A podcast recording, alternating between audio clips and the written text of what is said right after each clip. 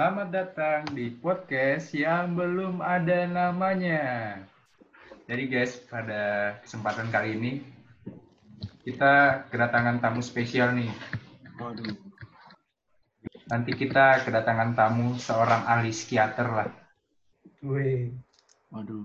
Bedanya psikiater sama psikolog apa, Pang? Jadi kalau psikiater itu sampai terapi, sampai pengobatan lah. Kalau psikolog mungkin cuma kayak terapi-terapi perilaku. Itu pendapat gue ya, gue nggak tahu sih. Oh, nanti kita cari faktanya ya, guys. Oh enggak, kalian yang harus cari faktanya sendiri, Iya. jangan malas. Kalian cari, Cari, kalau udah tahu, kalau kita salah, dan iya Hmm. cari. Kalau kita salah, itu, komplainnya ke Dopang ya, jangan ke kita. ya, Siap, siap. karena opini dia. Iya. Terus apa yang kita bahas sama psikiater ini, Bang? Jadi kita hari ini ngangkat tema nih tentang jaga jiwa menghadapi new normal selama pandemi COVID-19. Kan lagi hangat-hangat nih isunya. Katanya kita udah masuk PSBB transisi, tapi kenyataannya angkanya masih tinggi. Gimana nih guys? Oh, Ya. ya. Kadang-kadang ekonomi emang perlu diselamatkan ya. Jadi hanya karena itu, hanya karena ekonomi perlu diselamatkan bukan gara-gara udah aman gitu. Jadi buat kalian-kalian yang sekarang masih mendengarkan dan masih PSBB, eh masih di rumah, jangan keluar karena menongkrong, karena nggak penting, Iya, betul. karena hmm, PSBB dibuka bukan gara-gara harus di keep in mind kalau PSBB dibuka bukan gara-gara udah aman tapi ekonomi harus berjalan. Iya, Nah. selamatkan. Ternyata PSBB dan new normal ini ternyata berdampak juga nih ke kesehatan mental. Makanya kita sampai ngundang-ngundang dokter psikiater kita nih, Waduh, mantap nih. supaya bahas tuntas tajam silat mungkin ya. Wow. Waduh, juga. Sebelum kita bahas dokter eh, psikiater ya, eh, sebenarnya mau tahu nih, eh, datanya tuh terkumpul dari mana? Apakah dari kita-kita aja? Yang, maksudnya kan data kayak apa yang mau kita tanyakan ke psikiaternya, apakah secara umum aja, atau apa yang kita harus sahkan, atau gimana nih cara ngumpulin datanya? Oh iya, jadi kan kita sebelumnya udah lakukan survei tuh, kita bagikan kuesioner ke masyarakat. Waktu itu kita bagikan dalam waktu satu hari. Kemudian eh, kita petakan apa aja yang eh, keresahan atau kekhawatiran masyarakat selama PSBB atau new normal ini. Ternyata dari hasil survei itu kita dapat banyak yang isinya, yang isi lintas sektoral lah, dari aparatur sipil negara, wira swasta sampai ibu rumah tangga bahkan juga ada mahasiswa. Mahasiswa kayak kita gini.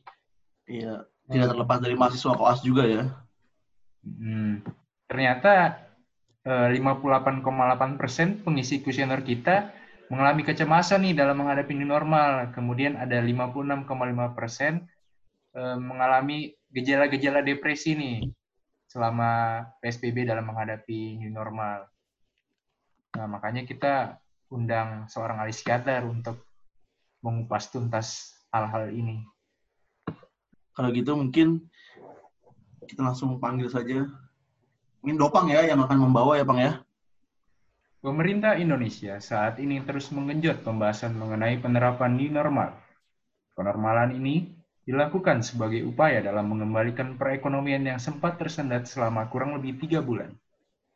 Namun, upaya ini berbenturan dengan penanganan COVID-19, di mana seminggu ini angka positif pasien COVID-19 belum juga menunjukkan tren penurunan. New normal dapat juga berdampak pada kesehatan mental. Beberapa orang yang tidak terbiasa akan cenderung menolak ini dan menimbulkan stres. Yang selanjutnya akan menurunkan kepatuhan seseorang terhadap protokol new normal. Bila tidak dicegah lebih awal, akan meningkatkan kembali angka pasien positif COVID-19. Oleh karena itu, pada episode spesial podcast kami kali ini, kami akan membahasnya dengan seorang ahli psikiater, yaitu Dr. Dwi Karlina, spesialis kedokteran jiwa. Beliau lahir di Jakarta pada tanggal 27 Januari 1956. Beliau mengecap pendidikan dokter umum di Fakultas Kedokteran Universitas Kristen Indonesia dan dokter spesialis kedokteran jiwa di Fakultas Kedokteran Universitas Indonesia. Sekarang beliau aktif sebagai dosen di Departemen Kedokteran Jiwa, Fakultas Kedokteran Universitas Kristen Indonesia, psikiater di Klinik Antonius, psikiater di Unit Pelayanan Kerohanian dan Konseling Universitas Kristen Indonesia, dan psikiater di Polda Metro Jaya. Tanpa membuang waktu, mari kita sambut Dr. Dwi Karlina, spesialis kedokteran jiwa. Selamat pagi, Dr. Dwi Karlina, spesialis kedokteran jiwa. Eh, selamat datang dan selamat bergabung di podcast kami yang, ber, yang berjudul uh, podcast tidak ada namanya. Selamat datang dok. Uh, bagaimana kabarnya dok pada pagi hari ini? Baik, terima kasih. Kira-kira dokter selama kegiatan PSBB ini atau selama mengkarantina diri ngapain aja ya dok? Kita sehari-hari tetap dilakukan kuliah online, ada juga tutorial online, seperti biasa. Seperti biasa ya dok. Kalau misalnya berkegiatan di poli gitu tetap aktif ya dok? Atau ada dibatasi pasien gitu dok?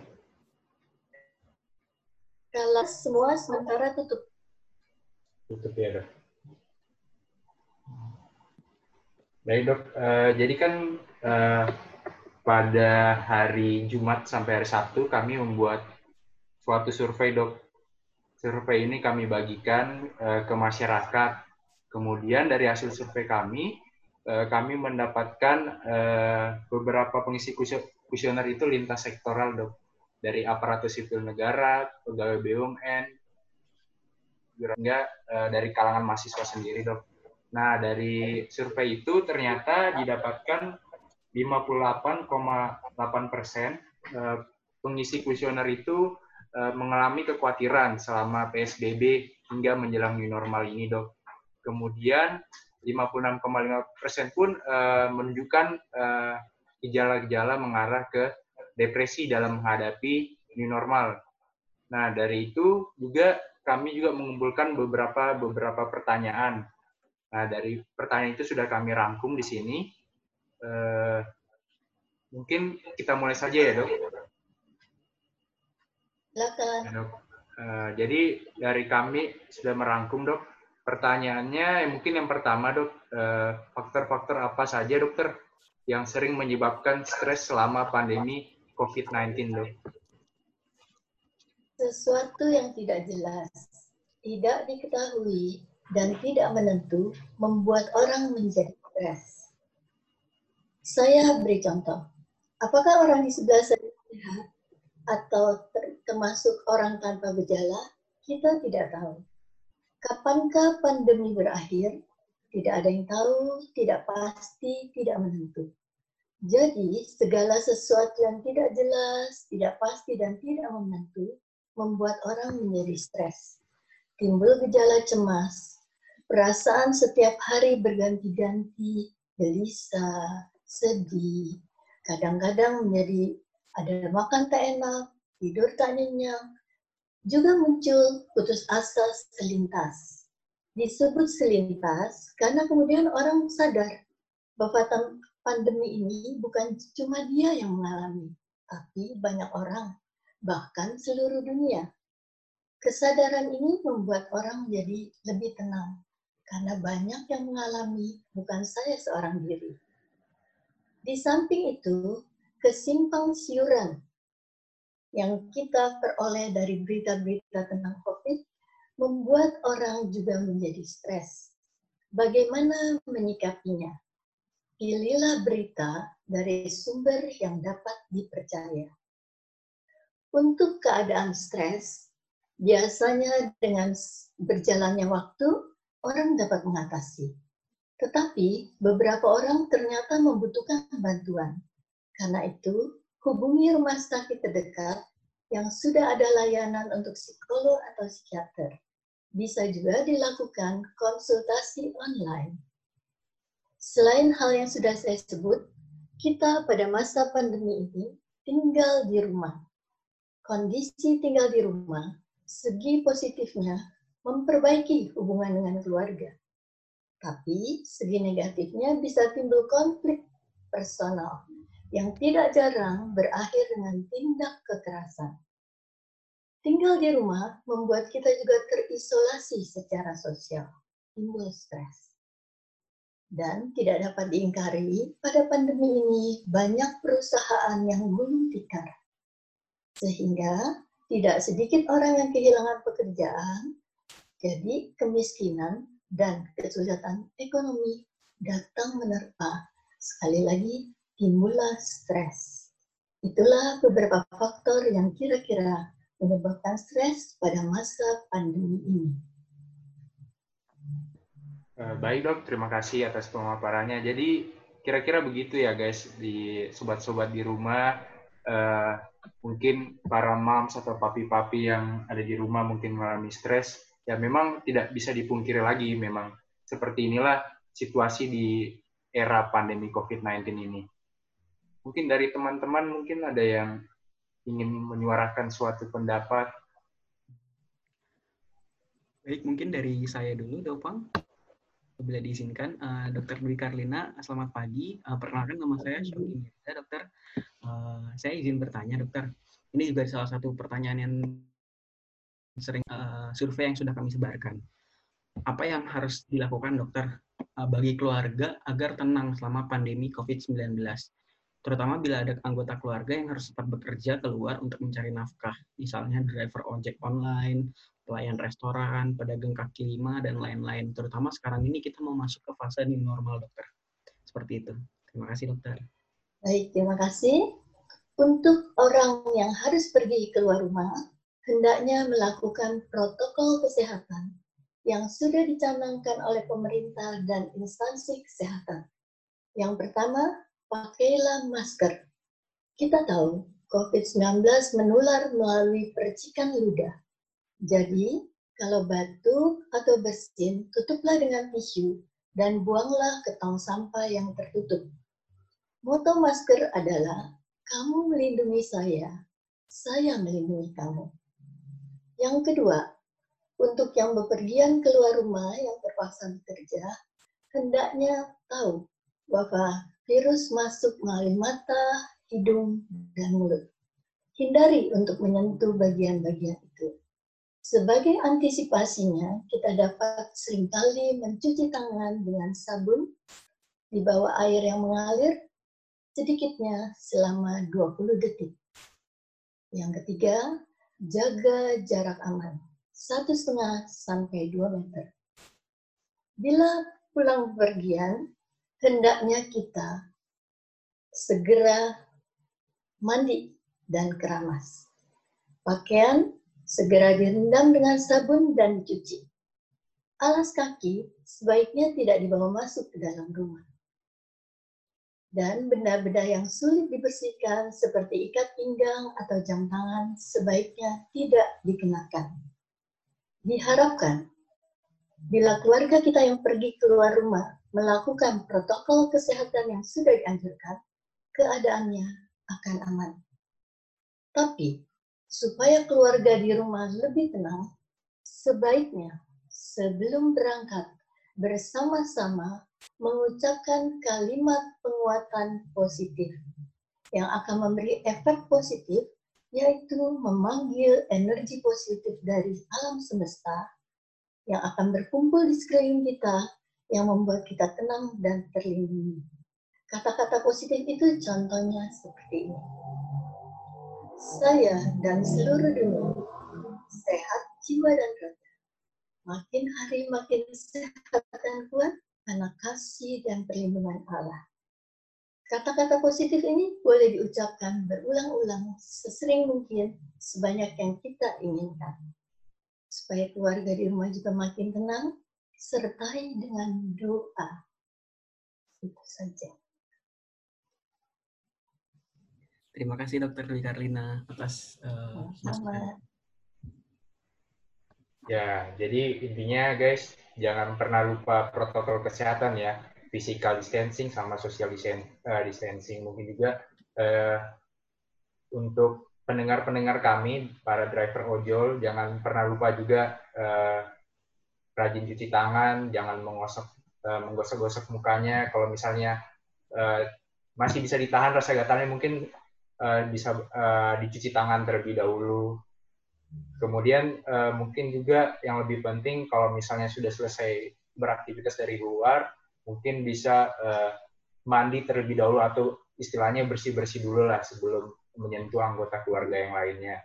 Kemudian tadi uh, beliau sudah menekankan pentingnya untuk uh, berdoa sebelum beraktivitas keluar rumah dan mengucapkan kata-kata positif dalam hati kita masing-masing.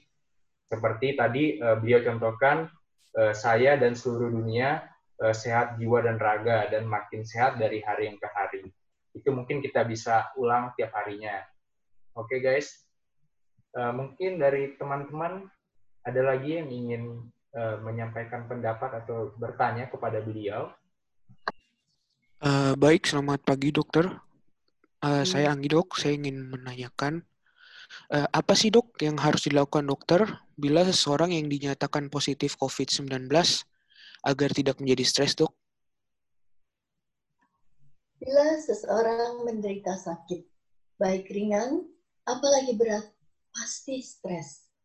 Yang bisa dilakukan sebetulnya bukan oleh dokter, tapi oleh pasiennya sendiri adalah mengurangi stres itu ada empat langkahnya. Yang pertama, terima kenyataan kalau kita menderita sakit. Karena bila kita protes atau menyangkal, itu hanya buang-buang energi dan melelahkan tubuh dan jiwa yang memberi efek negatif yang membuat kita makin stres dan sistem imun kita menurun. Langkah kedua adalah Bila jelas kita dinyatakan COVID-19 positif, isolasi mandiri. Lapor kepada RT dan warga sekitar agar mereka memberi bantuan bila dibutuhkan. Seandainya gejala memburuk, segera ke rumah sakit untuk mendapat perawatan.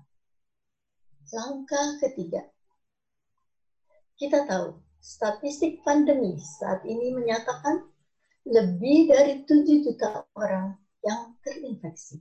400 ribu di antaranya meninggal dunia. Kenyataan ini menunjukkan yang sembuh itu banyak. Ini memberi pengharapan.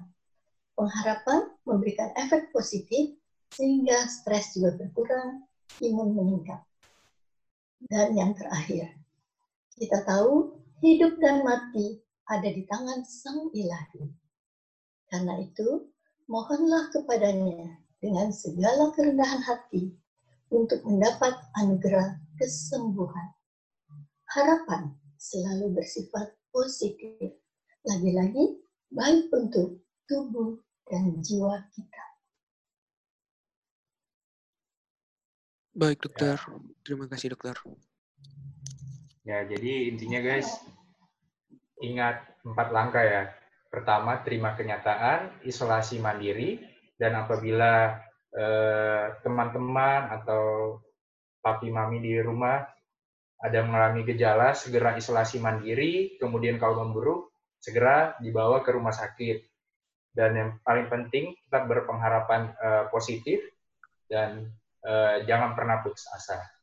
Ya, mungkin dari teman-teman juga ada lagi yang ingin menyampaikan pendapat atau pertanyaan kepada beliau. Hmm, selamat pagi dokter. Uh, nama saya Deva dokter. Uh, ini juga mungkin uh, sering juga ditanyakan dari hasil kuesioner uh, atau survei yang kita sebar kemarin dok. Uh, yaitu uh, pertanyaannya uh, bagaimana mengatasi stigma penyintas COVID-19 ini dokter, di mana penyintas itu adalah uh, orang yang telah dinyatakan sembuh atau bertahan dari suatu penyakit. Uh, mungkin itu dokter. Ada empat langkah juga. Yang pertama, Kenalilah diri sendiri. Dulu saya penderita COVID-19. Saat ini saya sembuh, saya sehat.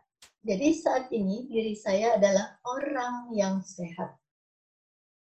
Yang kedua, membuka diri. Stigma atau label negatif membuat orang menderita dan lelah lahir dan batin. Sudah tiba saatnya untuk membuka diri kepada seseorang yang bisa berempati, yang bisa memahami, agar segala keluh kesah dan unek-unek dapat dikeluarkan, sehingga memberi kelegaan. Langkah ketiga adalah jangan biarkan siapa pun memperlakukan kita secara buruk. Jika kita tidak melakukan hal yang buruk, maka tak seorang pun berhak memperlakukan saya dengan buruk, baik melalui kata-kata, apalagi perbuatan.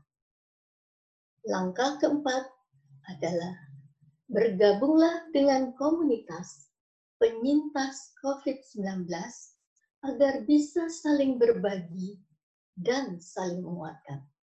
Itu empat langkah. Iya, uh, baik dokter. Terima kasih banyak dokter. Ya, jadi intinya dari pertanyaan ini guys, uh, ada kembali lagi ada empat langkah ya sama seperti pertanyaan sebelumnya. Pertama, kenali diri sendiri bahwa kita sekarang uh, adalah penyintas yang sudah sehat, jadi tidak bergejala lagi. Kemudian yang kedua, membuka diri. Jadi kita tetap berinteraksi dengan orang-orang di sekitar kita. Dan yang ketiga, jangan pernah membiarkan orang-orang memperlakukan kita secara buruk. Dan yang terakhir, eh, bergabung dengan eh, suatu komunitas di mana berisikan para penyintas atau para orang-orang yang telah dinyatakan sembuh dari COVID-19.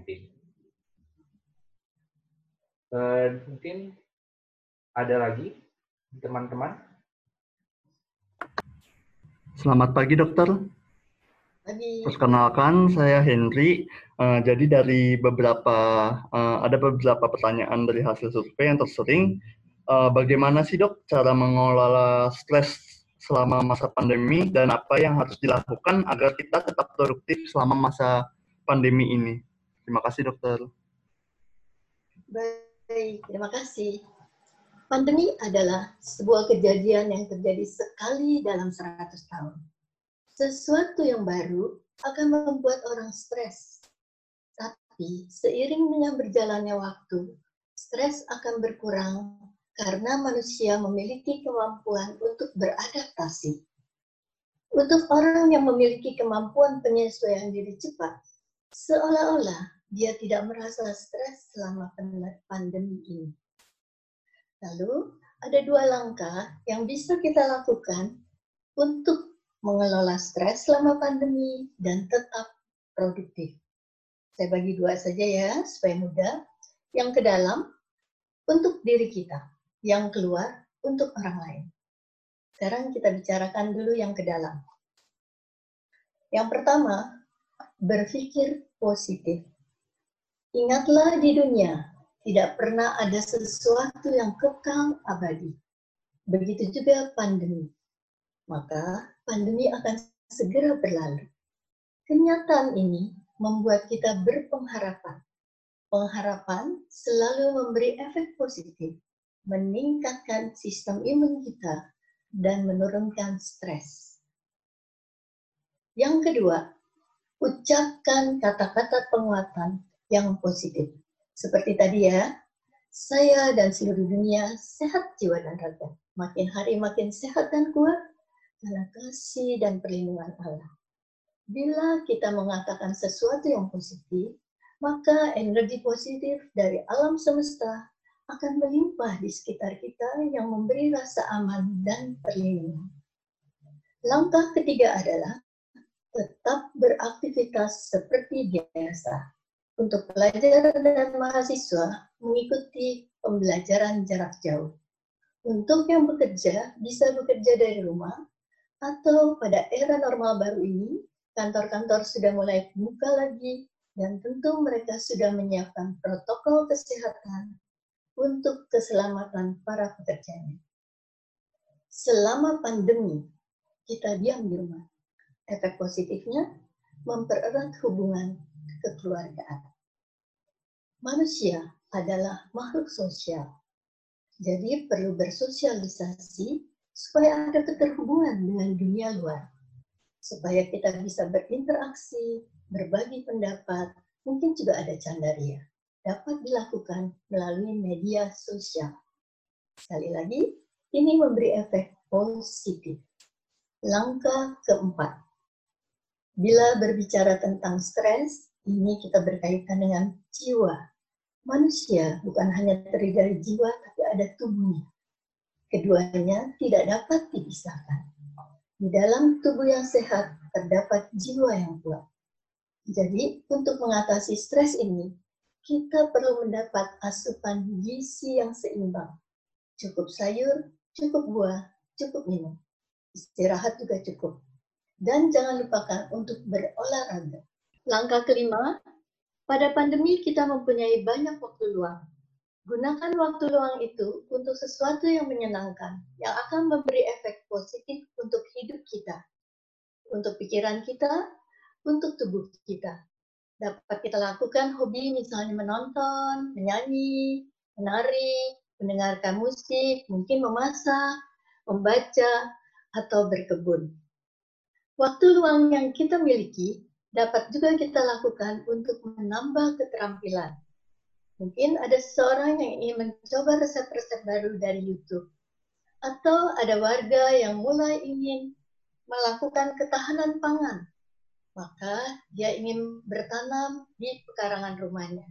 Dia bisa belajar tanaman apa yang cocok untuk tanah saya, bagaimana saya mendapat benih, dan apa yang harus saya lakukan supaya hasilnya optimal. Bisa juga kita melakukan sesuatu, misalnya ada yang senang menulis. Kita menambah keterampilan menulis. Mengapa menulis harus selalu menggunakan kalimat aktif? Kata-kata yang ekspresif itu yang seperti apa? Seandainya ada kata tidak bermakna, apakah saya lalaikan saja, saya abaikan, atau saya, saya tulis? Ini semua akan membuat kita makin terampil. Jadi waktu luang kita gunakan untuk sesuatu yang menyenangkan dan menambah keterampilan. Langkah keenam. Sebagai manusia, kita tahu kita dekat dengan Sang Pencipta. Apalagi dalam keadaan yang tidak menentu ini. Timbul kekhawatiran. Karena itu, dekatkan diri kepada Sang Pencipta. Dengan doa, mungkin juga kita bisa membaca buku-buku rohani yang memberi ketenangan atau melakukan meditasi. Meditasi, saat bermeditasi kita bisa duduk atau berbaring yang nyaman untuk kita.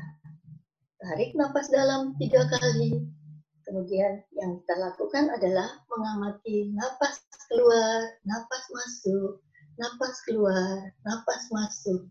Begitu seterusnya, lamanya sesuai dengan kemauan kita. Biasanya, meditasi membuat kita merasa damai. Semua yang sudah saya sebutkan itu adalah langkah yang sifatnya ke dalam, semata-mata untuk diri kita. Lalu yang bersifat keluar itu untuk orang lain. Apa yang bisa kita lakukan? Pada pandemi ini, banyak sekali orang kehilangan pekerjaan sehingga mereka terlilit kemiskinan dan kesulitan ekonomi. Lihatlah di sebelah kiri kanan kita, adakah tetangga yang membutuhkan uluran tangan? Di Indonesia, saya melihat banyak warga meletakkan meja, lalu ada barang-barang sembako dengan tulisan yang membutuhkan, silakan ambil seperlunya. Yang berlebih, tambahkanlah. Kita lihat juga, ketika seseorang memberi sesuatu, contohnya seseorang memberi makanan kepada tetangganya, saat dia melihat anak tetangga makan dengan penuh syukur, yang dirasakan oleh sang pemberi adalah kebahagiaan. Kebahagiaan berefek positif, meningkatkan imun kita, meningkatkan stamina kita, dan mengurangi stres. Ketika seseorang melakukan kebaikan untuk orang lain, sesungguhnya ia tengah melakukan kebaikan untuk dirinya sendiri. Jadi benar kata pepatah, dengan memberi kita menerima. Itu beberapa langkah sederhana untuk mengelola stres dan tetap produktif. Itu saja. Baik dokter, terima kasih untuk tips dan triknya untuk mengelola stres.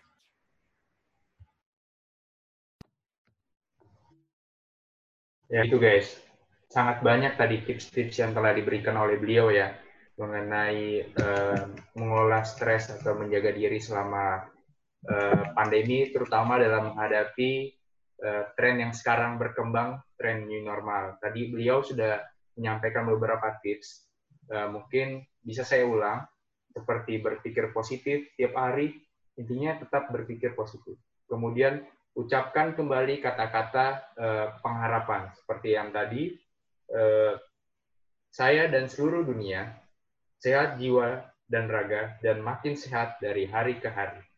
Kemudian yang paling penting juga jangan lupa meningkatkan spiritualitas kita dengan lebih perbanyak waktu ibadah kita, mungkin dengan bermeditasi juga. Kemudian tetap beraktivitas secara normal, namun yang paling penting jangan pernah mengabaikan protokol kesehatan yang telah ditetapkan oleh pemerintah.